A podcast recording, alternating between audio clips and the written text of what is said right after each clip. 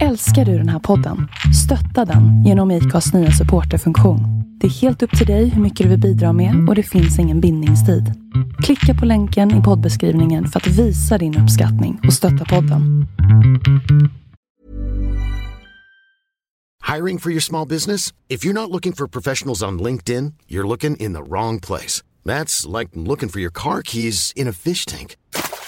LinkedIn helps you hire professionals you can't find anywhere else, even those who aren't actively searching for a new job but might be open to the perfect role. In a given month, over 70% of LinkedIn users don't even visit other leading job sites. So start looking in the right place. With LinkedIn, you can hire professionals like a professional. Post your free job on linkedin.com slash people today.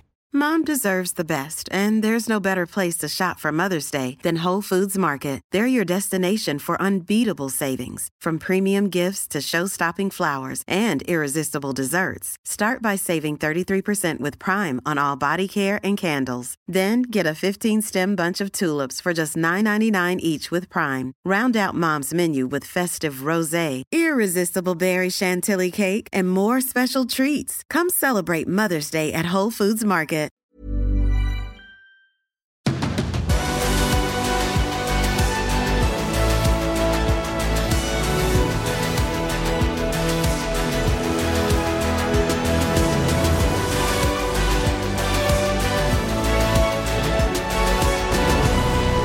Dags för ännu en MotoGP-podd och eh, Andreas Mårtensson, vilken helg det var senast i Tjeckien. Ja, det var det. det. Man kunde inte förutse det resultatet riktigt, inte jag i alla fall. Det finns säkert någon som kunde, men inte jag. Jag var uppspelt. Jag tyckte det var, det var roligt när saker och ting ställdes på ända. Det, det gör mig glad ännu flera dagar efter racet faktiskt. Ja, jag håller med. Jag håller med. Binder alltså som tar sin första seger i eh, karriären i sitt tredje MotoGP-race. Mm. Och du, det här med distanspoddande då, det känns för mig känns det lite bekvämt nu. Jag börjar känna mig varm i kläderna med det här upplägget. Ja, eh, du är hemma va? Är det så? Jag är hemma. Hemma ensam, eller det finns ju en filmtitel som heter Ensam hemma, det är väl snarare så då det heter. Känns inte så vant kanske. Nej, det, det är däremot riktigt ovant. Det vet jag inte när det skedde senast. Ja, jag passar på att ta lite semester här mellan racehelgerna ute i skärgården faktiskt. Här. Stockholms skärgård, fint. Fint väder. Hur är, upp, hur är uppkopplingen undrar jag? Fiber finns det ju även här ute så det är inga problem alls. Ja, bra. Du hör mig bra? Jajamensan. Skönt. Du, eh, som sagt var, intensiv eh, racehelg och det är ett par intensiva helger eh, framöver här också. Det kommer ju vara ett komprimerat schema här under hösten och eh, det är eh, Ja, jag, jag, känner, jag känner mig redan laddad för kommande helg. Men vi, vi måste ju börja med att snacka om det som hände under helgen. Och eh, så får vi kika framåt också när det gäller kalendern där det har kommit nyheter. Eh, också kring mästerskapet. Och eh, se fram emot som sagt vad Red Bull Ring som kommer i helgen. Känns som att det är läge att ta tag i det här. Det är många punkter. Det är lika bra vi börjar va? Mm, jag tycker det. Det här med eh, plus och minus, positivt, negativt från racehelgen. Det tycker jag vi börjar med.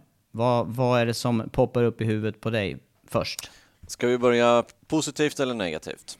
Jag tycker vi börjar med det positiva, för det var, det var ändå en, i alla fall en sån känsla jag hade när jag eh, lämnade studion där på söndagen. Ja, jag håller med. Eh, vi börjar alltid positivt och eh, positivt är, ja, vi kan ju inte säga annat än eh, Brad Binder och KTM som måste ta sin första seger det, det kändes som att det började knacka på dörren, kanske inte med seger, men däremot eh, att det knackade på dörren med pallplatser. Vi såg det redan tidigt under helgen också, att KTM-förarna var bra med här under alla pass. Det var ju framförallt Paul Espargaro som, eh, som var den som eh, anförde farten. Ja, det var det. Eh, du var inne på det i förra veckans podd. Jag var ju dock lite tveksam till att det skulle räcka till en pallplats. Nu räckte det till en seger, helt otroligt. Och de var starka hela helgen egentligen, KTM, eh, Paul och som du sa, det var han som mest kunde utmana på fria träning. Framförallt fri träning 4 så var han supersnabb också, men på något sätt så så som jag känner Paul Sparger så är han bra på att göra några varv, men sen när det väl kommer till race, då dalar det ändå, men det gjorde ju inte den andra gången. Nej, det såg, det såg riktigt lovande ut för hans del. Eh, nu höll det ju inte hela vägen, utan istället så var det Binder som tog eh, kommandot. Och han kom ju med en han kom ju med sån fart så att man nästan trodde att han åkte ett annat mästerskap eller ett annat, en annan klass åtminstone. och hade en helt annan erfarenhet än vad han har. Detta var alltså en tredje MotoGP-race och så går han upp och vinner. Och, ja, det var ju bara en, en formalitet till slut. Vinner ju med nästan fem sekunder och nej, vilken överlägsen seger egentligen. Det var ju, det var ju länge sedan vi såg en sån stor segermarginal förutom då ja, Quattararo här i inledningen av säsongen. Men förra året till exempel vann någon med fem sekunder så var det ju nästan rekord för den säsongen. Ja, det var det. Men, men hans väg fram till det här resultatet då, då ja, jag tänker mycket på några saker som har utmärkt sig genom eh, hans karriär. Och då är det ju ett race som vi var inne på när, när man nu körde säsongspremiären i år i Jerez. Det var ju just hans, eh, jag tror det var hans första seger i Moto 3 som kom just på Jerez. Mm, ja men det var det. Det var hans första seger som han tog där 2016 vill jag för mig att det var. Eh, fick ju starta sist i det racet. Han körde ju för Akiayo då och de hade något, eh, de hade fuskat med någonting men jag tror faktiskt att det var misstag som de hade det var ja. någonting med deras ECU eller något liknande? Ja, exakt. Det var någonting med elektroniken som inte var som det skulle. Så de fick starta sist i racet och han eh, tar sig förbi hela fältet och vinner racet. Och övertygande dessutom, det var med ett par sekunder. Ja, var, för mig var det en sån där känsla som, det var ju en Mark Marquez uppkörning, fullt ut. Ja, ja det var det. Som var närmast att jämföra med. Nej, det var, det var ju någonting som stack ut. Men sen tyckte jag även förra året, om man nu tittar på hans Moto 2-karriär, när, när eh, chassit på KTM-cyklarna inte var med i början på säsongen och han fortsatte att kämpa och slita och slita och till slut så kom han ju och KTM på rätt väg och närmade sig också Marcus i slutändan i mästerskapet. De gjorde det. Det räckte inte hela vägen fram dock, men det skiljer bara några poäng där till slut och eh, med ett litet bättre chassi inledningsvis så hade det räckt i titeln förra året. Det har vi ju pratat om så att eh, ja, imponerande körning eh, och kunna behålla den här kylan och han verkar ju vara också en förare som håller sig på hjulen även fast han har den körstilen som han har då med att ställa ut cykeln i bakänden in i svängarna. Mm, jag undrar om inte det hjälpte honom den här gången nu när, eller kanske den här säsongen ska vi säga, för att klart är att Michelin-däcken bak har ställt till det för ganska många förare, men, men just Binder, dels har han ju inget, han har ju inget annat att jämföra med. Det kan vara en fördel i det här fallet. Mm. Men, men även den körstil han har, för de andra för, förarna pratar ju om att de vill ha den här hjälpen, eller nu behöver man ta lite mer hjälp av bakdelen för att få stopp på cykeln. Ja, och det är ju han bra på. Ja, jag menar det, att han är det. Borde, borde rimligtvis vara faktorer som, som hjälper honom. Men, men otroligt stark och fascinerande också att fortsätta att... Eh, han, han öppnade ju upp en lucka så fort han kom förbi Morbidelli i racet. Ja, det gjorde han. Morbidelli kunde inte svara där med sitt mjuka bakdäck utan eh, Binder gick förbi, han gick ifrån och sen var det bara en formalitet egentligen eh, för att kunna ta då sin första seger i karriären. Men KTM då, som vi får lyfta in i det här också, de, de har ju knackat på dörren här nu och haft ett, eh, ett utvecklingsarbete som har skett i, i rasande fart. Eh, man får ju lyfta på hatten för deras insats också i det här. Ja, det måste vi absolut göra. Eh, ta sig som en ny tillverkare då in emot GP och eh, de kör på ett annat fjädringsmärke, bara en sån sak. Eh, hela startfältet förutom eh, KTM kör ju på Öhlins eh, medan då KTM använder sitt eget märke då VP och eh, det verkar ju fungera bra på ja. KTM-cyklarna. Och sen har man den här annorlunda filosofin när det gäller chassina också. För visst är det så att man håller fast vid eh, rörramschassit? Ja, de, de har ju börjat gå ifrån det lite grann i alla fall, men eh, det är ju fortfarande deras egen konstruktion. Ja, ja imponerande. Skulle Stort säga det om fjädringen också. Jag tror faktiskt att det är första gången Öhlins inte vinner ett MotoGP-race sedan 2009. Och då var det Showa eller? Ja, jag tror det var Showa och Pedrosa som vann då. Så de har alltså vunnit varje race i över tio år. Mm. Ja. ja. Det var mycket första den här gången. Ja, det var mycket första och även Binders första seger som alltså kom i hans tredje race och eh, vi var inne på det, vi hittade inte namnen, eller jag hittade inte riktigt namnen när jag var inne och, och funderade på det under sändning där, vilka förare det var som hade vunnit sitt första MotoGP-race. Eh, sen eh, vår gemensamma kompis där, Peter Dahlbom, han fick ett sms av i, i morse och han rättade mig där att det är två förare som har eh, som har vunnit sitt första MotoGP-race. Den ena den var vi ju inne och snuddade på tillsammans och det var ju Max Biaggi. Vem var den andra här nu då, Tobbe? Ja, du har ju delgett mig där innan. Eh, det är mer, det är mer min era, eller rättare sagt, det blir min tidiga, tidiga barndom det här. Och eh, du är finsk för Jarno Saarinen som vann. Ja. Eh, Så att, eh, ja, det, det är den lilla skaran som har vunnit första, men tredje är ju, det är ju extremt snabbt och tidigt bara det. Det finns en förare till som har vunnit sitt första MotoGP-race eller 500-race och det är ju faktiskt Harold Daniel. Men det var ju det absolut första racet som kördes så det är inte så konstigt. Vad rolig du är nu då, statistiknisse. Han var 47 år gammal. För detta, det var ju många, det, det, här, det här har jag läst faktiskt, att många av förarna under den här tidiga eran, det var ju för detta krigspiloter från andra världskriget som, som eh, raceade motorcyklar sen då. Det, det kanske kändes eh, i sammanhanget som en, en mindre farlig aktivitet om man har rott, rott sig igenom, eller flugit sig igenom andra världskriget och sen börjat tävla på motorcyklar. Det måste ju vara söndagspromenad för dem.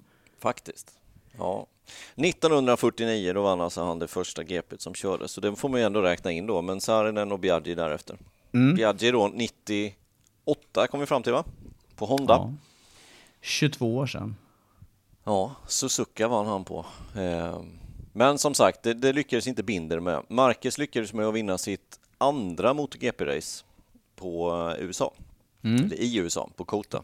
Ja. Och nu Binder då alltså sitt tredje. Men eh, skillnaden är Marquez, han var väl inte mer än 20 år, tror jag, när han vann sitt första. Ja, Binder fyll- äldre, han blir 25 i veckan. Ja, idag till och med, onsdag. Eller vad är det för dag idag Ja, förresten? det är- Tisdag är det väl?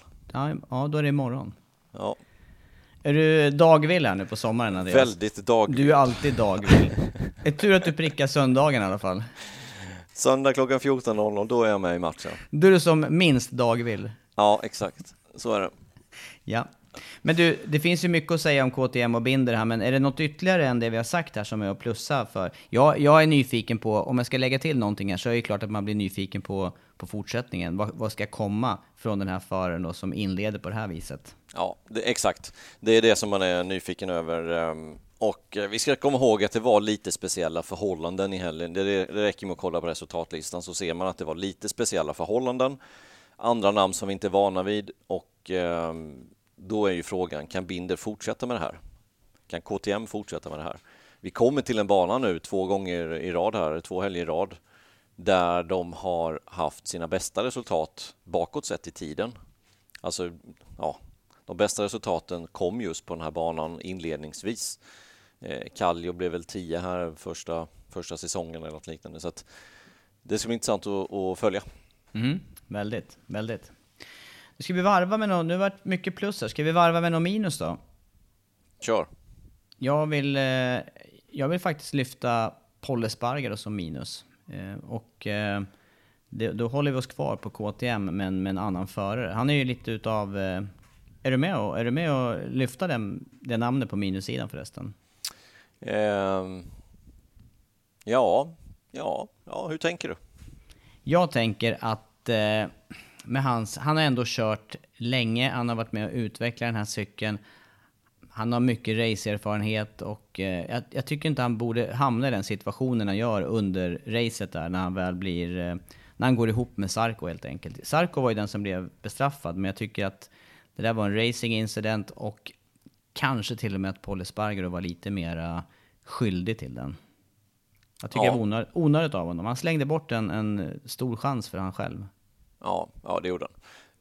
Fram till dess så var ju faktiskt Paul Espargaro ett, på plussidan. Kan Ja, vi vara ja, enas om det?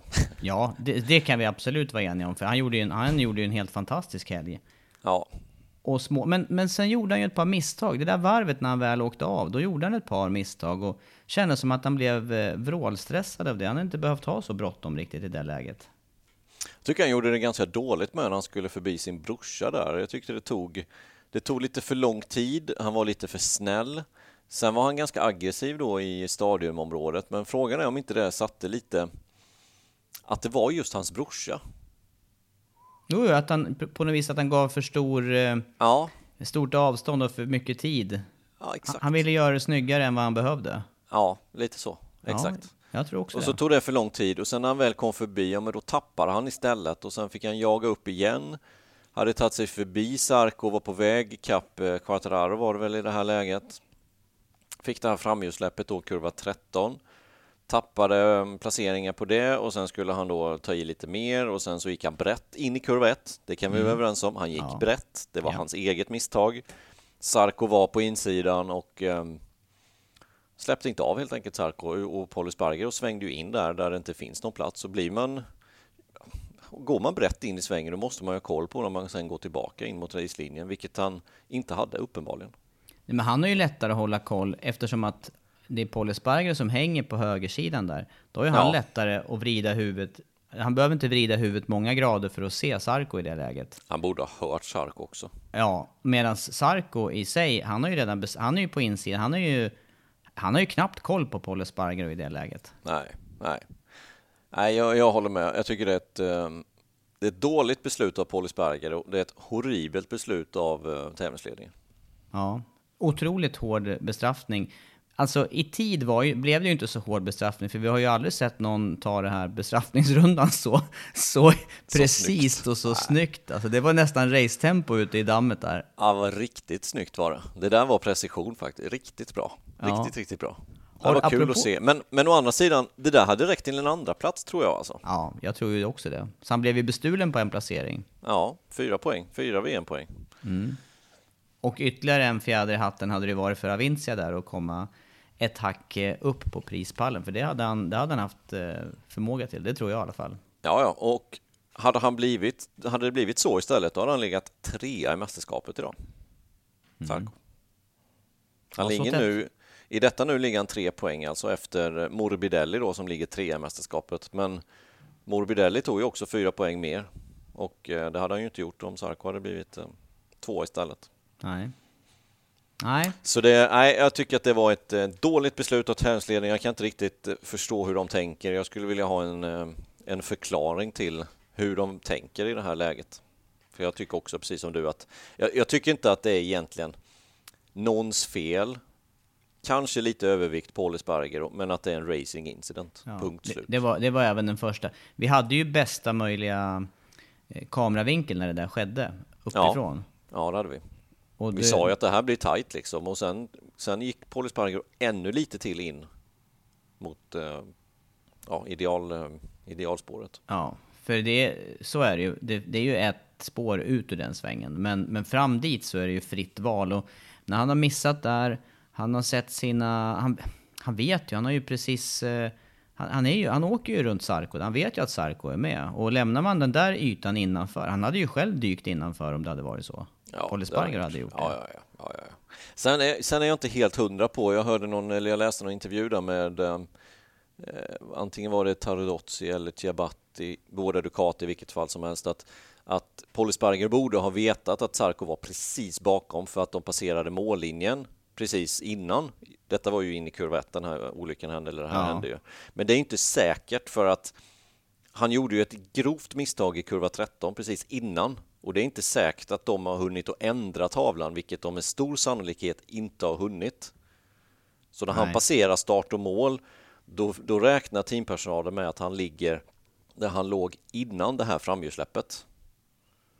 Så det är inte alls säkert han får, att han... falsk, han får en falsk tidsangivelse, eller liksom den stämmer inte med verkligheten. Här. Nej, exakt. För han har redan gjort ett stort misstag, men då borde ju han inse att det kan finnas fler förare bakom.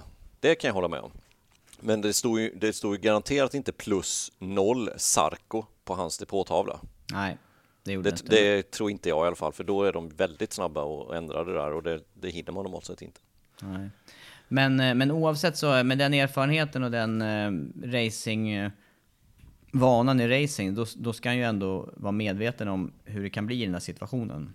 Ja, det ska han vara. Och sen tycker jag det är tråkigt hans reaktion efteråt, att han i princip har blivit avsatt och det är inte hans fel någonting. Han tar inte på sig någonting egentligen efteråt heller. Står där i samfålla med utsträckta händer egentligen och bara det här var absolut inte mitt fel.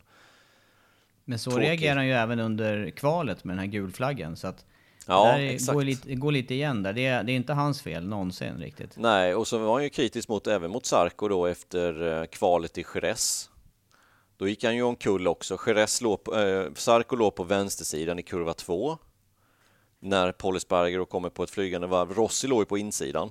Just det, när, när, när Espargaro gick av där. Ja, exakt. Och då gick han ju också ut och sa att ja, men det är typiskt Sarko liksom att inte visa hänsyn ungefär. Så att de verkar ha någonting eh, mot varandra, Sarko eller Paul Sparger mot Sarko åtminstone. de var alltså teamkompisar förra året ska vi komma ihåg och eh, Sarko körde KTM. Ja, det gjorde han. Så att eh, ja. Ja. ja, det blir på minussidan den här gången för Paul Espargaro i alla fall. Ja, jag håller med. Verkligen. Ska vi fortsätta på minus? Ja, ja absolut. Jag tycker även den här gången, jag tycker det blir tredje gången gilt för Vinales. Han kommer på minussidan igen. Ja, jag håller med. Det, då, får, det då, alltså... får, då får man tycka att vi hackar på honom, eller jag hackar på honom. Men det är, han fick minus när han kom tvåa två gånger i rad, men nu, nu kommer han faktiskt 14. Det här är ett välförtjänt minus. Och han ligger tvåa i mästerskapet. Han ska inte komma 14. Nej, det ska han inte göra. Det var ingen, uh, inget bra race. Speciellt inte då när hans uh, märkeskollega Franco Morbidelli blir tvåa i racet. På ja, en, en enklare spes av motorcykel. Ja, vi ska också lägga till här att Vinales startar femma i racet. Han tappar alltså från femte till fjortonde. Det är ja. ju... Nej. Nej, ska man vara med och vinna mästerskapet, vi sa det redan efter de två i Jerez, eh, ska man vara med och vinna mästerskapet så ehm, då duger inte sådana här resultat. Nej, han kan inte komma hem med två poäng från en, en, en helg. Det, nej, då, då måste han i så fall ha varit av och, och lyft upp cykeln och kört i kapp lite grann. Det där, ja. Inte bara genom att åka runt. Nej, nej, det är katastrofresultat, verkligen. Ja. ja, då var vi eniga där då. Ja, vi behöver knappt gå in på det mer känner jag. Nej, jag tycker inte det, blir bara, det blir bara negativt. Han, ja. han behöver uh, göra en ny start och uh, komma till bättre i bättre form. Alltså, för det, han visar ju bra fart, bra form på träningen och allting och det var precis likadant i Jerez. Och sen kommer vi till racet och då underpresterar han. Ja, ja, så såg det ut. Mm. Du, om vi går på plussidan istället då? Ja, då lyfter jag uh, nyss nämnda Franco Morbidelli. Ja. Jag vill höra vad du säger och tänker. Nej, men han, han, vi var inne på det redan förra året. Utan att vi ens hade läst någonting så kunde vi ändå tänka in oss i hans situation. Han eh, hade en säsong, nu pratar jag om förra året, nu hade han en säsong under bältet i MotoGP på Honda. Han sätter sig på en eh, nästan identisk med fabriksteamets Yamaha. Han har bättre spes på motorcykel än vad Quartararo har. Quartararo har en ganska inte medioker cykel förra året, men den varvar 500 mindre till exempel, 500 varv i minuten mindre och, och så vidare. Quartararo som kom in och gör sin debutsäsong. Morbidelli skulle driva det här nya teamet framåt, Petronas Yamaha. Det tar tre, fyra race och sen så är han ifrånåkt av Quartararo.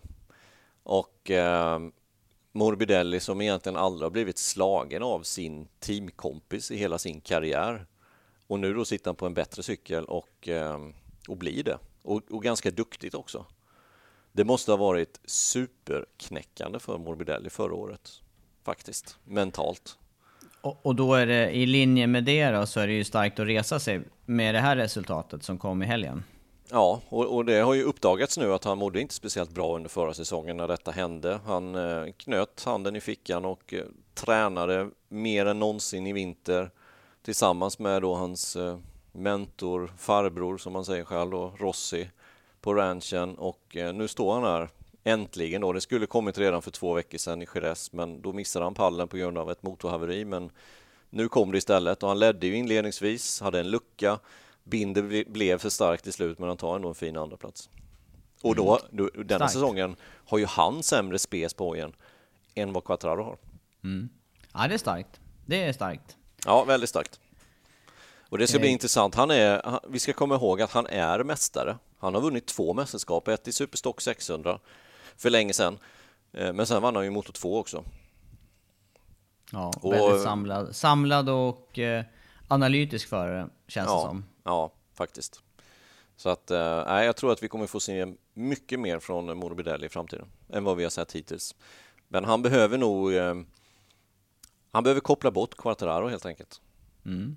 Han behöver fokusera det var, var roligt när du nämner de här namnen nu. Vi pratar Binder, eh, Quartararo, Morbidelli. Det känns ju som att nu med Marquez skada här, då har det på något vis, det blivit luft för, för många utav de yngre och där man kan på något vis bygga upp lite fart och självförtroende i alla fall under den perioden när Marcus är borta. Ja, det är lite nya namn. Äntligen. Ja, det är roligt. Ja, det är inte bara Marcus, Dovizioso, Rossi, Pedrosa, Lorenzo längre. Nej. Ja, jag håller med om de här sakerna. Jag har inte så mycket att tillägga där när det gäller Morbidelli på, på plussidan. Det, det känns bra att, att lyfta honom. Mm. Eh, Binder etta alltså, Morbidelli tvåa. Och ja, något ytterligare minus då? Ska vi, ska vi, så vi kan avsluta på plus? Ja, ja de här kommer ju gå in varandra, både minus och plus här. Men då säger vi minus till eh, Ducati. Tycker jag. Ja, trots Sarkos andra plats. Trea blev han väl till slut i och för sig. Ja, förlåt. förlåt ja. ja, nej men trots Sarkos eh, tredje plats och den kommer vi till då när vi, om vi ska avsluta på plus om vi nu får dra det dit. Men eh, Ducati får ett minus från mig och det får de i och med att Petrucci, Dovizioso och Miller underpresterar. Ja, det håller jag helt med om. Det var, det var ju för övrigt Doviziosos sämsta kval i karriären. 18 plats inledde han eh, racet ifrån. Slutade ju för sig 11, så han körde upp sig en bra bit, men det är fortfarande utanför topp 10 alltså. På en, på en bana där vi menar att eh, där har Dovizioso chans att hämta in poäng på Quartararo. Ja, exakt.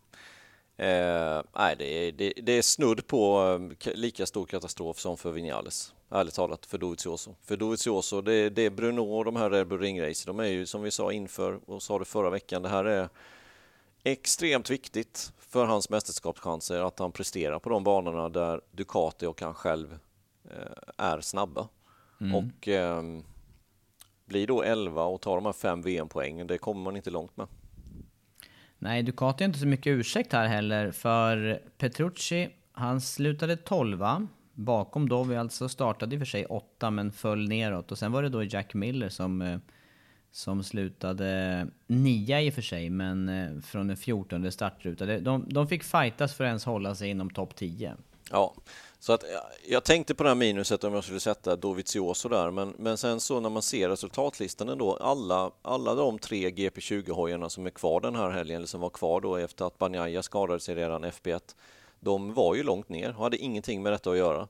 Miller blev trea i Bruno förra året, Dovizioso blev tvåa förra året i Bruno. Eh, de ska inte vara så här långt ner. Och speciellt inte då när en fjolårscykel med Sarko i sadeln blir trea och har pole position. Men finns det någon förklaring då? Är det något enkelt uh, utifrån som går att se anledning till det här? Nej, det, går, det, gör det inte, utan det enkla svaret är däcken helt enkelt. Att uh, fjolårscykeln uh, jobbar däcken bättre och de här nya däcken framförallt då som är till den här säsongen med lite mjukare um, slitbana som gör att det blir lite mer anläggningsyta i asfalten för bakdäcken. Ja. Det var ju annars ett stort samtalsämne här under helgen, själva greppnivån i asfalten och ojämnheterna där i asfalten. Men där såg vi ju, det var ju samma för alla. Alla fabrikat hade ju cyklar som rörde sig mycket ut ur svängarna och eh, där vi såg också att förarna i vissa lägen hade problem i bromsningar in i svängarna. Ja, jo det såg vi. Eh, det var mycket klagomål på eh, beläggningen, att den var gropig, att det var dålig greppnivå. Sen vet vi också till racet när man för första gången på hela helgen kör efter motor 2. När motor 2 då har lagt ner sitt eh, Dunlop-gummi i asfalten, då blir det en annan greppnivå även då på, på asfalten. Och eh, det verkar ju inte ha gynnat till exempel sån som Quattararo som, som visar jättebra pace under FP4 men kände direkt då efter tre svängar egentligen på racet att det här kommer bli en lång eftermiddag, vilket det också blev då med hans sjunde plats till slut. Mm. Ja. Men, eh, men jag, jag, jag, var inne på det i sändningen också. Jag tyckte inte att asfalten såg... Alltså den såg inte bra ut, det måste vi vara överens om. Det gjorde Nej. den inte. Nej. Men den såg inte katastrofdålig ut, tycker jag, utifrån. Eh, och sen så tycker jag också att det tillför lite grann när alla banor inte är släta släta och perfekta ur, ur greppnivå. För något annorlunda var det också i år då, i och med att eh, banan används mycket mindre än tidigare säsonger för testande och för, eh, för uh, överhuvudtaget för, för banåkningar. Ja, exakt. Ja, jag håller med dig. Det, ble, det blev ju verkligen en, eh, en helg att glömma. En helg, en helg att minnas ska jag säga med, med omkastningar, resultaten och förare som inte vi är vana att se uppe i, uppe i listan som som till slut står på pallen. Ja, men jag, jag tycker, om vi går tillbaka till det med, med greppnivån där, det, det, det, får inte bli farligt, det var jag inne på också. Det får inte vara så att förarna kastar sig till höger och vänster på grund av att det är gropigt och sådana saker. Men jag tycker inte att det var så. Och, och tittar vi i statistiken också här hur många krascher det var under helgen så var det alltså 45 krascher under hela helgen. Eh, senast i, eh, i Jerez då var det 42 andra helgen. Första helgen så var det 40. Eh, Qatar var det 27 så det var ju lite då, men 45 krascher ändå, det är inte speciellt det är inte speciellt många om man jämför med de andra banorna. Till Nej. exempel, det var 90 krascher på Le Mans förra året. Det är dubbelt. Nu var det säkert regn och, och sådana saker va, som, som kan ha ökat krasch, kraschstatistiken, men i vilket fall. Ja, Nej, och i race-situation då var det ju bara, det var ju bara Lecona, Mir och eh, Paul Espargaro som gick omkull. Ja, jajamän. Eh, och det var betydligt, eh, det var ju många fler krascher under racet i eh, Spanien för två veckor sedan. Ja, det var det. det, var det. Jag tittar på, nu har jag hela statistiken från 2014, hur många krascher det har skett. Och tittar vi förra året, eller 2000, vi går tillbaka till 2018 i Valencia. Då var det 155 krascher över helgen. Ja, det, det många. var mycket. Det var det mycket. Många. Mm. Kommer du ihåg det där racet på Misano när Lorenzo ledde inledningsvis men gick omkull? Då ja. var det också blött och väldigt svåra förhållanden. Kraschfest. Då var det, då var det kraschfest. Då var det 140 krascher den helgen. Och nu var det alltså 45. Så att Ja, jag kan instämma i kritiken att, eh, att eh, den inte var slät, men jag kan också tycka att det tillför lite när det inte är perfekta förhållanden. Men problem för Ducatis 20-modell, eh, det kan vi vara eniga om i alla fall. Det kan vi vara. Och mm. de måste ju verkligen hitta vad det är som är fel och åtgärda det nu under den här veckan de har på sig till Red Bull Ring. För Red Bull Ring kan de inte bli 8, 10, 11 på, det funkar inte. Då är mästerskapet kört sannolikt. Då, ja, då är det över för Ducati. Ja. Då kommer det inte stå någon Ducati ens topp tre. Om inte de är med här uppe på pallen här nu, då, då blir inte Ducati topp tre i mästerskapet. Men du, ytterligare ett par saker att lyfta på plussidan då, efter det här. För att eh, då kan vi, då kan vi lämna eh, omdömet från eh, Tjeckien med, med en positiv känsla. Kör. Ja, jag skulle vilja... Det blir ju kanske lite enahanda här, men, men pallen, lyfta pallen och kanske även fjärdeplacerade Rins. Vi har snackat om Binder, vi har snackat om Morbidelli. Sen var alltså Sarko trea med känning på andra platsen utan den här bestraffningen. Så Sarko vill jag lyfta och kanske även Rins. Vad säger du om fransmannen där? Jätte, han startar ett pole position, han gör det på, eh, på fältets, eh, på pappret sett sämsta hoj. Eh, han blir trea med en bestraffning. Det, det, är, ju, det är ju succé på ett sätt. Ja, det, är det, det. det är ju inget annat. Och jag vill också, i det här så får vi komma ihåg att han också har åkt olika fabrikat här nu en period. Och och eh, så sent som inför den här säsongen så ville han ju absolut inte köra för Avincia som han inte tyckte var ett team som ens platsade i, i MotoGP. Men därefter så, så har ju faktiskt Ducati gått in med mer stöttning och, och de har bättre material i år än, än på länge. Ja, det har man. Det ser man ju även i boxen. Det är ju flera rödklädda Ducati från Ducati i boxen, i Avintia-boxen än vad vi någonsin har sett tidigare. Och de har även sett ut att satsat lite mer. Nya trailer har de dessutom i Avintia, så att de har tagit ett kliv jämfört med förra året definitivt. Och så gör han det här då i, eh, ja, det blir ju lite som för, för Binder, det är hans tredje race där på Ducati bara. Så att det är fortfarande så att det är en ny cykel för Sarko att köra in sig på. Han har ju inte heller särskilt mycket data att gå på. Nej. Så att, nej. nej. stark, stark insats. Och, och sen också bita ihop med den här bestraffningen. Jag var lite tveksam till, ett tag tänkte jag att ska han eh, köra vidare här nu ett par varv ytterligare? Man har väl tre varv på sig för att gå in på den här bestraffningsrundan. Mm. Men han, ja, tog det, han tog det direkt. Han hade ju också kunnat tänka att han skulle bygga upp lite mer lucka bakåt. Men han, han bet ihop och tog det direkt och funkade ju bevisligen. Ja, det gjorde det. Nej, det var jätteimponerande. Och den varvet han körde där, eller den bestraffningsrundan han körde, det var ju, ja, det var precisionskörning. Verkligen. Ja. Ja, Sarko kan vi lyfta tycker jag. Rins egentligen då med tanke på hur hans eh, förutsättningar var med skada och annat. Och så lyckas han köra upp sig till en, eh, till en fjärde plats. Och då ska vi ha klart för oss att han startade 11. Så att det var dels uppkörning och sen själva slutresultatet. Och han hade också mer smak när det gäller... Eh, han hade ju fart för pallen som det såg ut som på slutet. Något varv till så tror jag Sarko hade fått sig hett om öronen där faktiskt om den pallplatsen. Och sen har vi Rossi där bakom också som, som också var på väg med en bättre kvalposition. Skulle han också slått som, eh, om pallen faktiskt. Så att, ja, det var mycket positivt i topp fem egentligen vill jag påstå. Mm.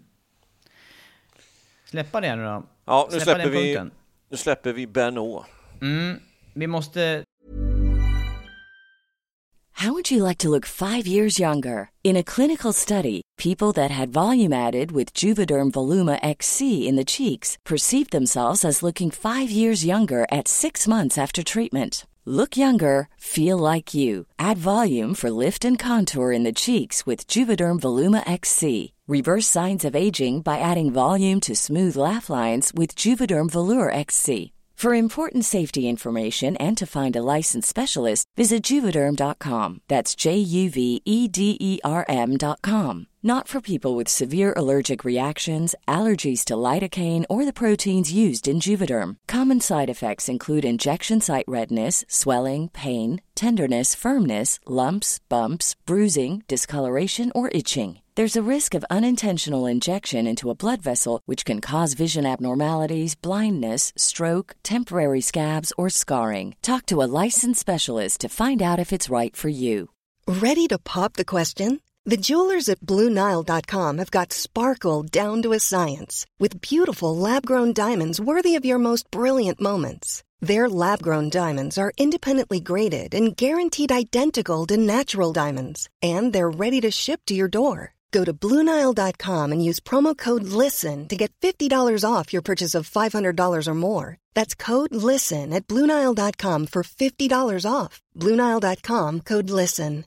Hiring for your small business? If you're not looking for professionals on LinkedIn, you're looking in the wrong place. That's like looking for your car keys in a fish tank.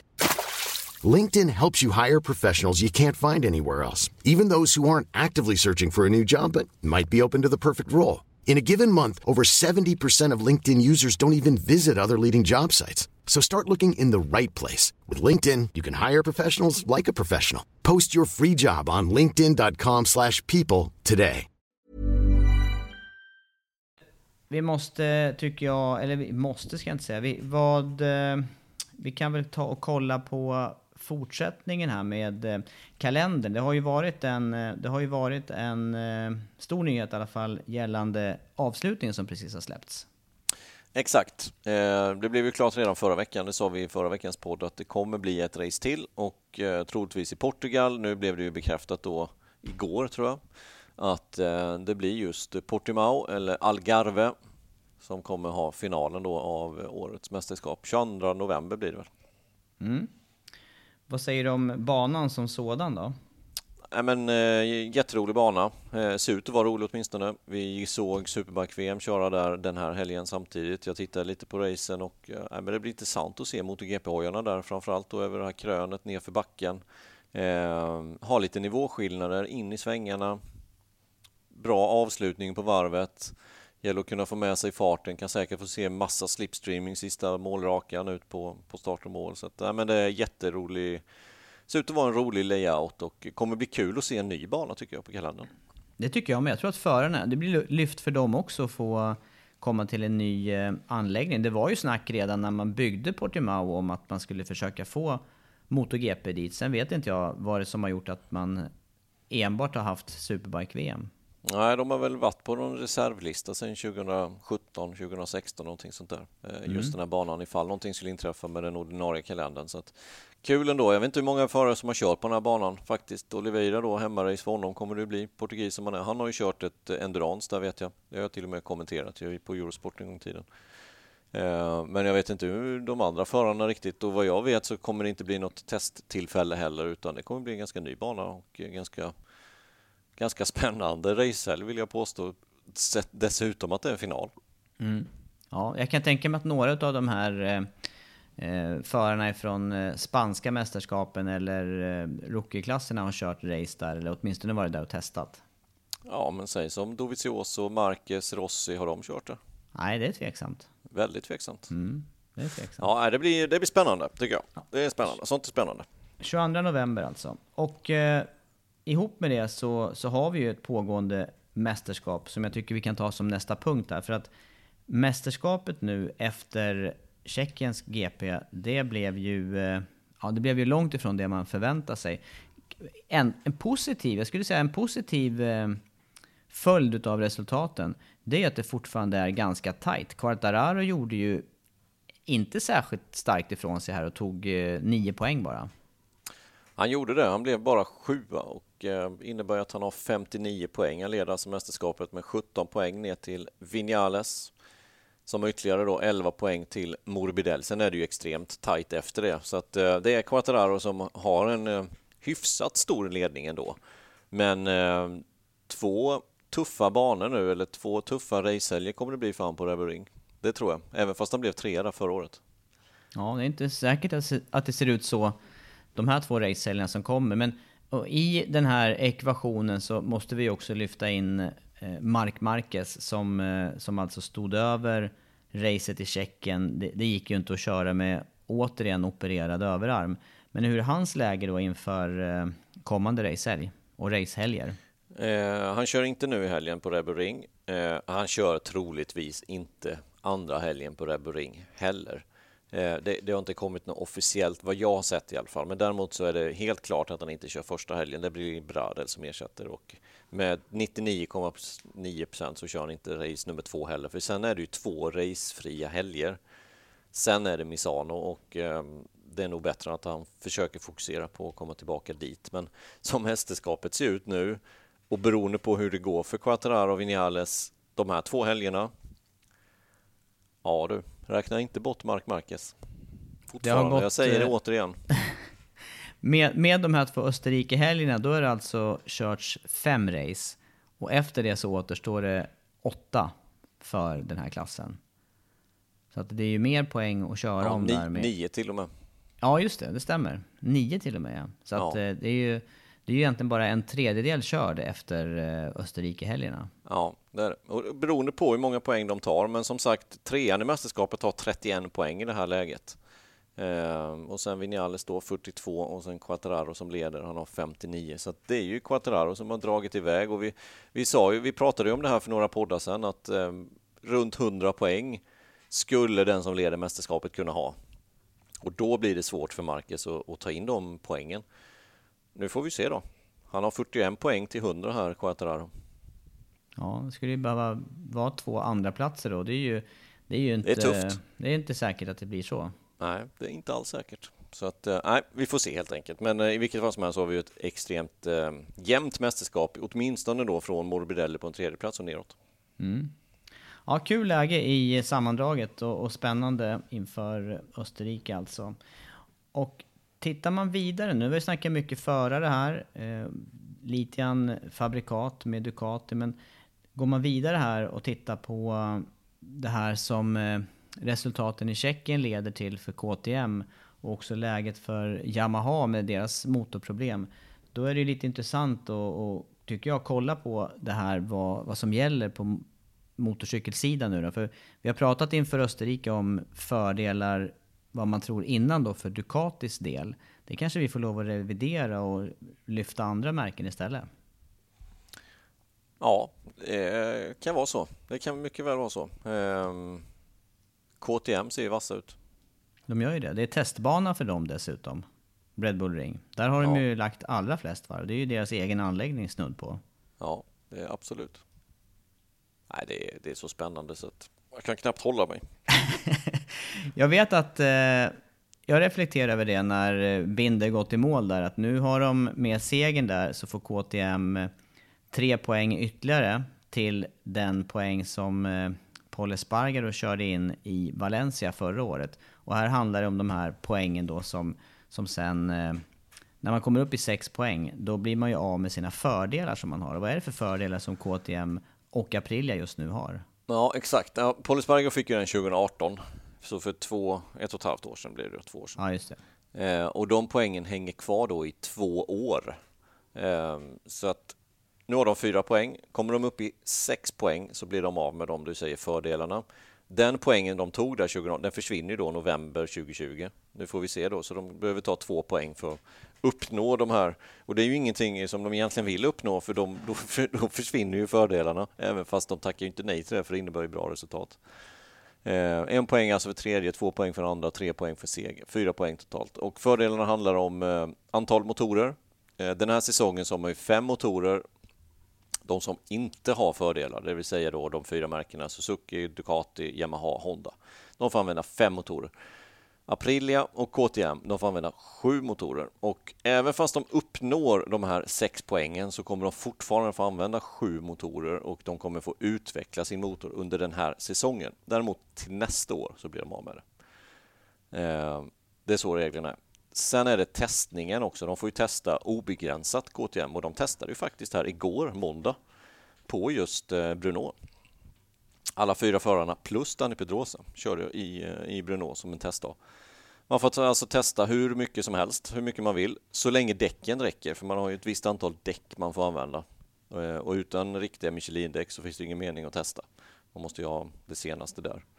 Eh, men det blir man av med omedelbart om man uppnår de här sex poängen. Så skulle de bli då tvåa eller bättre i helgen, då kommer de inte få testa mer än de andra märkena och då handlar det om fem testdagar per säsong.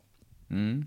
man ska inte underskatta det där med testandet. Eh, där, där har ju eh, KTM eh, och, och, flera av förarna lyft eh, Pedrosas insats. Som, eh, sen man anlitade Pedrosa då, så har man ju lyckats ta det här sista steget när det gäller utvecklingsarbetet. Så den, den delen kommer ju att svida och bli av med. För vi har inte sett några andra speciella svårigheter i alla fall att hålla liv i motorerna hos KTM. Fast vi vet å andra sidan inte hur ofta de byter dem där riktigt.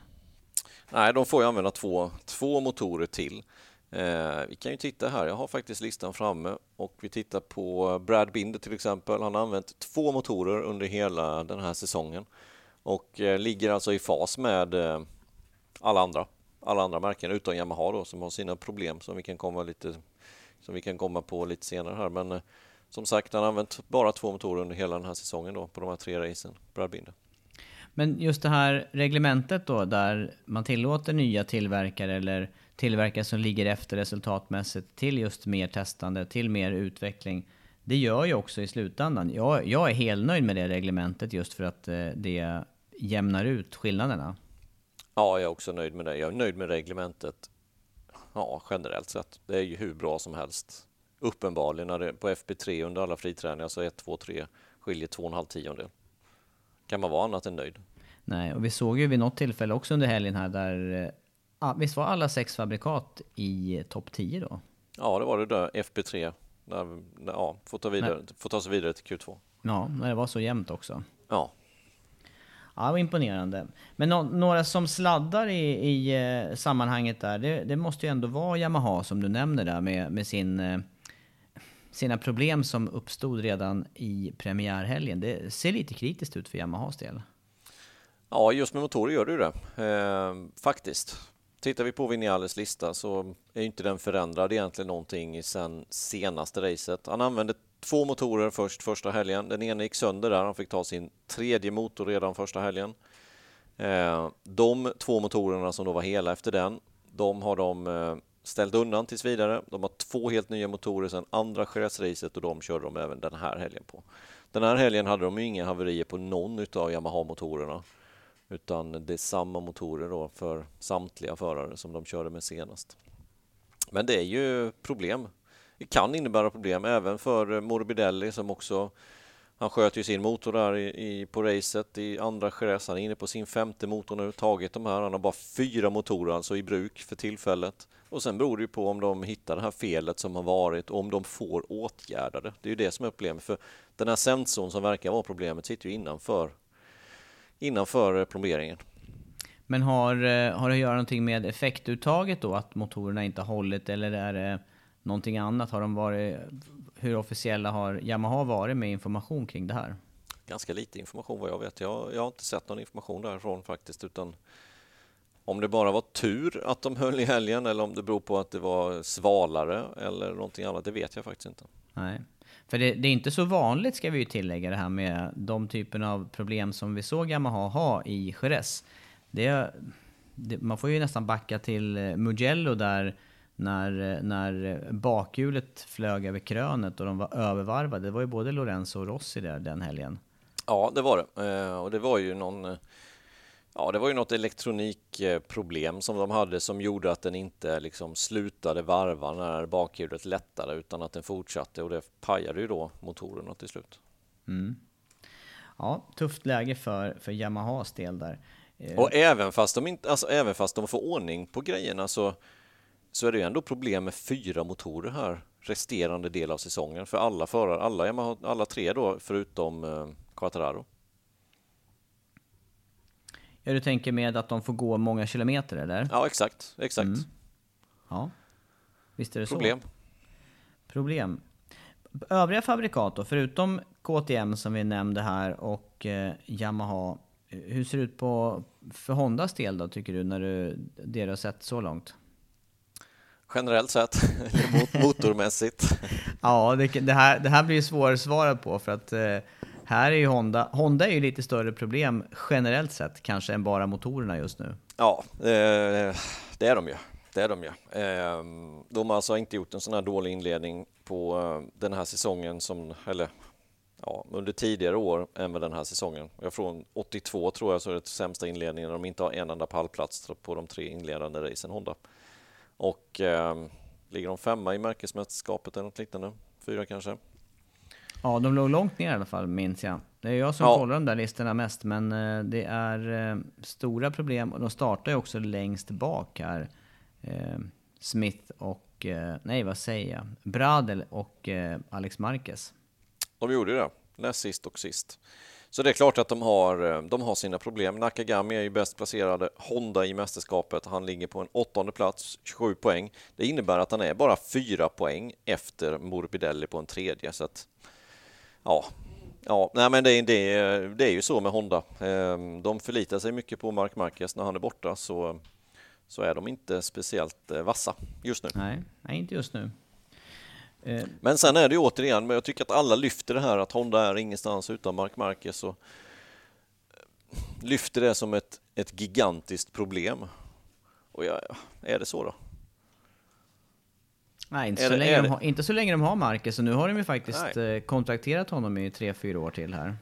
Det är ju så. Ehm, så att ehm, ja, de är illa ute utan Mark Marquez, men när Mark Marquez är med så är ju faktiskt han med och vinner. Han har vunnit eh, fyra år i rad. Ja, han har vunnit vunnit- både konstruktörs och teammästerskap, titeln egentligen själv. Exakt. 16, 17, 18, 19 så är det Honda, Honda, Honda, Honda, Honda, Honda, Honda på både märkesmästerskap, teammästerskap och förmästerskap. Så att kan man då nu när han är lite skadad eller när han är skadad, är det ett gigantiskt problem? Ja, det, det kan innebära ett gigantiskt problem för framtiden. Just nu så, ja, då är det som det är när han är skadad. Men det är klart att utan Marcus är de ingenstans. Skulle han lämna, då är de ju i stora problem. Och framförallt nu då när, när konkurrensen har blivit så pass hög, när du kan gå till KTM och vinna race, du kan gå till Yamaha och vinna race, du kan gå till Ducati och vinna race, du kan gå till Suzuki och vinna race. Det kunde du inte för fyra, fem år sedan. För att få en riktig toppförare då, då var det typ Yamaha eller Honda du behövde gå till. Nu, nu konkurrerar Repsol Honda om förarna med så många fler fabrikat. Och det kan innebära ett problem i framtiden. Att Men- man, inte har knutit, man har inte knutit fler förare till sig under tiden här. Nej, exakt. Man, man har inte satsat på unga förare i deras eh, satellitteam utan man har satsat på Crutchlow Ja. Tufft som läge. är på väg ut för då. Så att det är Tufft klart att det är läge. ett tufft läge men jag tycker ändå inte att eh, det är sånt där katastrofläge som många både konkurrenter och journalister vill, eh, vill lyfta fram. Nej. Nej, intressant också att se. Något som blir intressant och som kanske blir ännu tydligare kvitto på hur Hondan funkar. Det är ju, kommer ju bli när Paul Espargaro kliver över där. För då kommer han ändå från en motorcykel som är kanske så lik Hondan som det går i startfältet. Och, och sen eh, ja, får vi se hur han presterar nästa år. Du var inne på det under sändningen här, kan du undra vad Paul Espargaro tänker? Vad, vad säger du om det? Ja, ja jag hade ju eh, i hans... Jag hade inte sovit lugnt om nätterna om jag hade varit i hans kläder. Nej. Kanske ekonomiskt, det är möjligtvis att han har fått bättre, det vet man ju inte men... Eh, ja, å andra sidan, han hade, han hade kunnat haft den här ledande rollen hos KTM ett tag till beroende på hur Binder utvecklas här. Och istället då så ska han byta märke, han ska komma till Honda där Marquez har gjort... eh, den här, han, han ligger ju bakom mycket av motorcykeln och den väg som utvecklingen har tagit. Det kommer bli, jag tror det blir tufft för Paul Espargaro. Ja, nej, jag är helt inne på samma linje. Det, det, för två år sedan så hade det låtit bra. Om det hade varit innan Lorenzo blev klar så att säga då, och, och tagit det klivet över. Då hade det varit ett smart drag. Men nu tror jag inte att det är ett smart drag. Jag tror inte det. Nu har KTM visat sig kunna vinna race eh, och bli teamkompis med Mark Marquez på Honda. Svårare uppgift, eh, det får man leta efter. Mm. Och då kommer de ju också kunna attrahera andra förare efter, efter om det blir fler resultat i år, KTM. Exakt. Ja, det var ja, det de vi var inne på nyss. Ja, de har ju bra förare i och för sig nu. De har ju signat med Petrucci, de har signat med eh, Oliveira och Binder. Sen vet inte jag hur Leconas kontrakt ser ut faktiskt för nästkommande år. Jag tror att han har kontrakt nästa år, men han är väl den som jag tyckte han eh, presterade bra inledningsvis. Valencia förra året överraskade, men nu när, det, när säsongen väl har satt sig lite så han har problem, Lecona. Han är inte tillräckligt bra tycker jag. Nej. Jag är benägen att hålla med där. Men du, vi, har, vi har nämnt KTM, Yamaha, Honda. Det finns ju faktiskt tre fabrikat till. Vi var inne på Ducatis svårigheter. Är de, eh, är de uttömda här i podden? Jag tycker det. Det blir en väldigt kritisk helg för dem eh, den här helgen. De måste få ordning på grejerna. De måste mm. på pallen. De måste i stort sett vinna båda de här racen om de ska vara med i mästerskapet. Ja, jag är, jag är med på vad du säger där. Suzuki då, de, de är ju eh, i mina ögon ett märke som eh, håller ungefär den nivå som de gjorde förra året. Jag är imponerad av eh, jag är imponerad av resultaten och mycket också med tanke på att man bara har två förare igång officiellt här. Ja, och eh, fortfarande inte katastrof för Alex Rins, eh, för det är ändå han som får anses vara första förare i det här teamet. Nu är han skadad, han har 19 poäng, han har alltså 40 poäng upp till till Quattararo i täten, men han gjorde ju ett riktigt bra race här, blev fyra med den skadan han har, körde ju ingenting på warm-upen ska vi komma ihåg, utan spara sig och då hoppar man över ett pass på det sättet, då innebär det att det är inte speciellt bra helt enkelt med axeln. Och ändå lyckas han köra upp sig då från elfte till fjärde och hänga med och pressa Sarko på slutet av racet. Ja, ja exakt. Han kanske också, lite hjälp fick han väl också av att det faktiskt inte gick lika fort på slutet. Men det var ju ojämnt var det och slaget och problem, problematiskt av den anledningen. Mm. Och sen är han ju bra på att hålla liv i däcken, så det är klart att han hade hjälp av att det var som det var. Men fortfarande han blev fyra, gjorde ett bra race, riktigt bra. Och eh, det är synd att han slog sig där under kvalet på första racet, för att han är verkligen en sån som skulle kunna varit med i det här mästerskapet ja, redan från början. Nu är han inte helt avräknad såklart då, med, med 40 poäng upp, men det är ändå en stor, stor differens upp till Quattararo. Mm. Du, lite tumme upp för Aprilia också. Vi såg ju hur Aleix Espargaro, hur bra han hängde med både under kval och friträningar och delvis under eh, racet också faktiskt. Ja, det gjorde han. Låg två ett tag. Mm. Kul att Aprilia mm, äntligen visar sig på den sidan. Eh, vi tyckte ju efter förra racet att de inte riktigt var så vassa som eh, kommentarerna sades. I alla fall från Alicia Spargero. Han, han hyllade ju Aprilias nya cykel, men vi har inte riktigt fått se den kapaciteten. Nu fick vi ju se en, ett litet smakprov i alla fall, även fast det rasade rätt rejält till slut då för Alicia Spargero. Kunde inte hänga med i tempot riktigt, men ändå. Ja, fall framåt för Aprilia och jämnhet i mästerskapet kan vi konstatera mellan fabrikaten. Ja, en sak till vill jag ta upp här innan vi lämna det här. Mm, gör. Dovizioso kontrakt Ducati nästa säsong. Vad tror vi om det? Ja, fortsatt eh, otroligt viktiga två helger som kommer här. Kanske avgörande för hans del. Eh, han, måste, han måste prestera och... Eh, ja, frågan är ju i och för sig hur Ducati tänker annars. Så länge, så länge alla tre på de senaste spesen, jag tänker då på Miller också här, eh, så länge de inte presterar markant bättre, då vet jag inte om det spelar så stor roll. Men, men så länge, om, ja, annars, annars är ju hög, det är höga krav på Dovi de två närmsta regnshelgerna här. Mm. Ja, jag håller med. Eh, precis, jag tänker precis som du tänker också, att så länge Petrucci och Miller heller inte presterar. Nu är Banjaya skadad, tyvärr så slog han ju sig rätt allvarligt där och bröt skenbenet då efter första friträningen kommer vara borta de båda racen nu på Rebel Ring. Eh, han hade ju annars legat väldigt, väldigt bra till. för en eh, fabriksstyrning om han hade presterat på samma nivå som han höll på att prestera innan motorn gick sönder då i Jerez nummer två. Ja, ja det, såg, det, det var synd för Banjayas del. Och också extremt otajmat med skada i det här tillfället. Ja, speciellt när Ducatis, på pappret i alla fall, bästa bana kommer här nu, gånger två dessutom. Så att, nej, det blir tråkigt. Det kommer ju bli Pirro som ersätter. Pirro som troligtvis i alla fall inte är påtänkt för en, eh, för en comeback på heltid i MotoGP. Utan...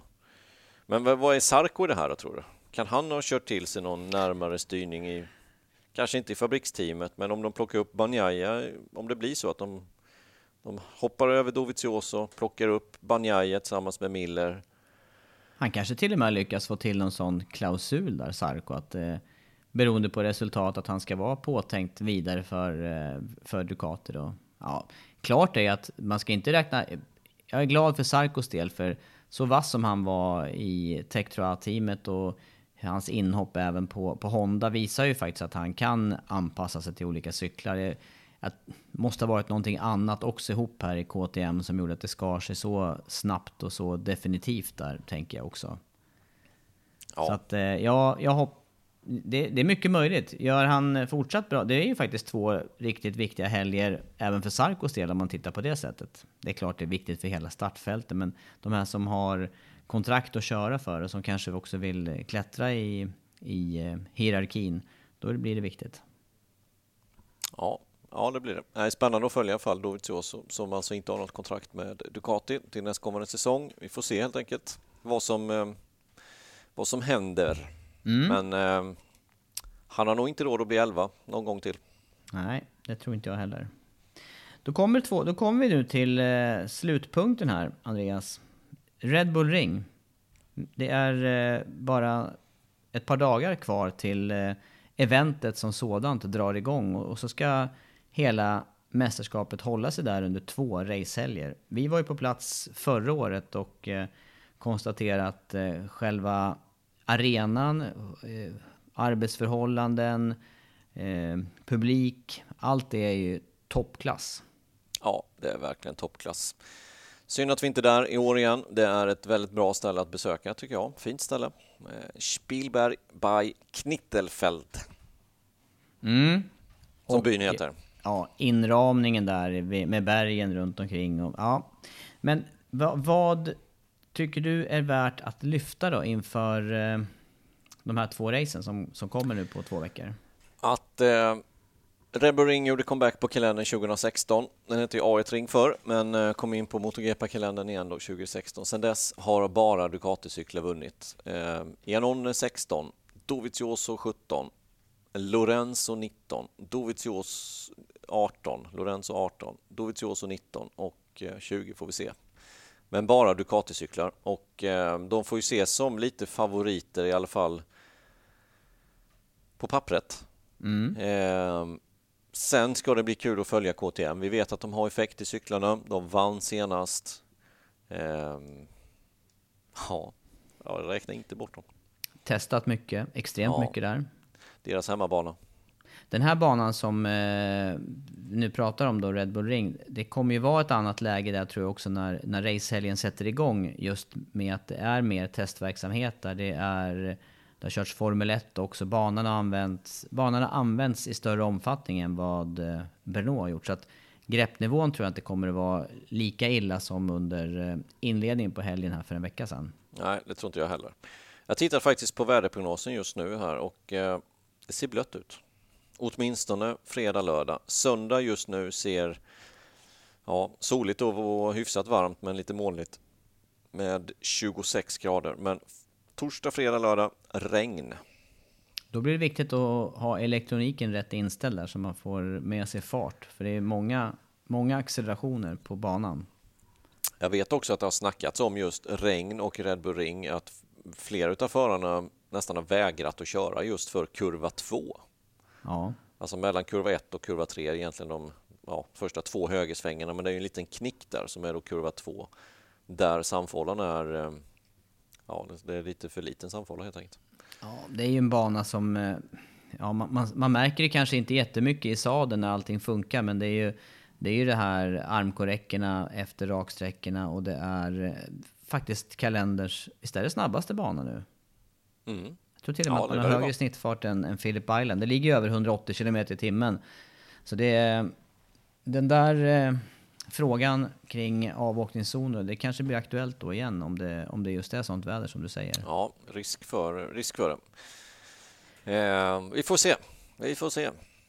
Men, viktig ehm, helg är det som sagt var för flera, både förare, fabrikat, det gäller att fortsätta hålla pressen uppe och, och eh, poängplockandet uppe för att framförallt inte släppa iväg Quartararo. Quartararo var ju trea här förra året bakom Dovi och Marquez.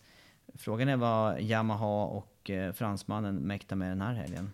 Ja, det, det blir spännande att se. Och för, för Quartararo återigen så handlar det precis som i Bruno egentligen att, att försöka överleva. Det kommer bättre banor till honom. Sen är det Misano gånger två, mycket, mycket bättre.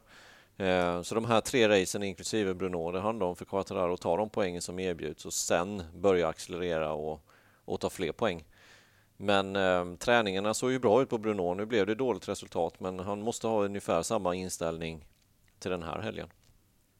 Vinales, två i mästerskapet, han måste ju slå Quattararo. Det är någonting han inte har lyckats med i år. Nej.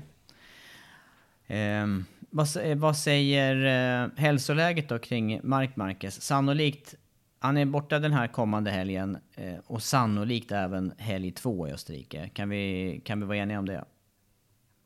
Ja, det kan vi vara. Han kommer missa de här fem racen som vi var inne på, som sagt, direkt efter skadan. Försökte göra comeback, skadade sig igen då när han skulle öppna något skjutdörrs eh, fönsterparti hemma i huset. Ny operation förra måndagen. Ehm, ja, han kommer ju vara borta. Båda Red Bull Ring. Jag kan inte tänka mig något annat att de sätter honom i salen. för nu tror jag Honda börjar gå in också i och bestämma bestämma över sin investering i framtiden och, och om man missar fyra eller fem race mästerskapsmässigt känns ju som egentligen skitsamma. Ja, faktiskt. Faktiskt, i det här läget så känns det viktigare. Då är man tillbaka nästan på den, den filosofin som eh, eh, Suzuki hade med Rins första säsongen. Han fick ju också, han fick ju go- ta god tid på sig att bli hel och sen har han också egentligen då fram till nu på Jerez hållit sig i stort sett hel också. Mm. Ja, exakt. Ja, Men spännande blir det. KTM, Ducati, Honda. Var är Honda någonstans? Kommer de kunna prestera bättre än senast? Nakagami, Crutchlow. Eh, Kan Alex Marquez rycka sig upp lite grann? Tycker inte han har gjort det katastrofdåligt ändå, även fast han startade sist, men det är så extremt jämnt. Så är man 1,3 sekunder efter, så för fyra år sedan så hade du varit eh, 12 på griden, nu är du sist. Så att, eh, svårt, svårt läge. Ja, det är det. Det är det. Ja, vi får, eh, vi får ge oss till tåls här. Som tur är så är det kort, eh, få dagar fram till helgen drar igång. På fredag drar igång på allvar på banan såklart. Eh, på torsdag med eh, presskonferens och så inför Österrikes Grand Prix. Det är det som väntar. Hur ser det ut på, på eh, Formel 1-fronten då? Vi tar övrig motorsport. Formel 1 kör väl på Circuito de Barcelona, Catalunya helgen tror jag. Ja, Eh, de har ingen paus heller. De har Silverstone och sen Barcelona. Ja, exakt. Så att de, de eh, sänder ju som vanligt på, eh, på V-sport motor. Mm. Och vi lär ju vara på V-sport 1, precis som vanligt. Och Ja. via Play. Mycket motorsport att se fram emot alltså i helgen. Eh, Andreas, vi rundar nu tycker jag. Nu ska jag ut och dra några borrar. Du ska det? Ja, ja. Jag trodde du skulle åka, vet du vad jag trodde du skulle åka? Jag trodde du skulle åka jetski eller eh, vattenskidor eller något sånt där. Ska vi meta abborre? Ska meta abborre. Det nappar grymt gör det. Jag tror vi Ja. plockade upp 80 stycken här för några veckor sedan. Helt sjukt. 80? Skojar Ja, du? jag tror det. Nej, jag skojar inte. Vi slängde i 74, men sex behöll vi. Hur, många, hur många kilo styck vägde de där om du bara sparar sex? De var stora. Det gick, Ja, det åt, mycket, det gick åt mycket mask kan jag säga. Ja. Så är det. Ja, det låter nu skönt. Jag ska också ta mig ut i solen, passa på lite grann sista, sista möjliga dagarna. Sen smäller det till ordentligt. Ja, och så ses vi på fredag. Yes, tack för oss. Tack.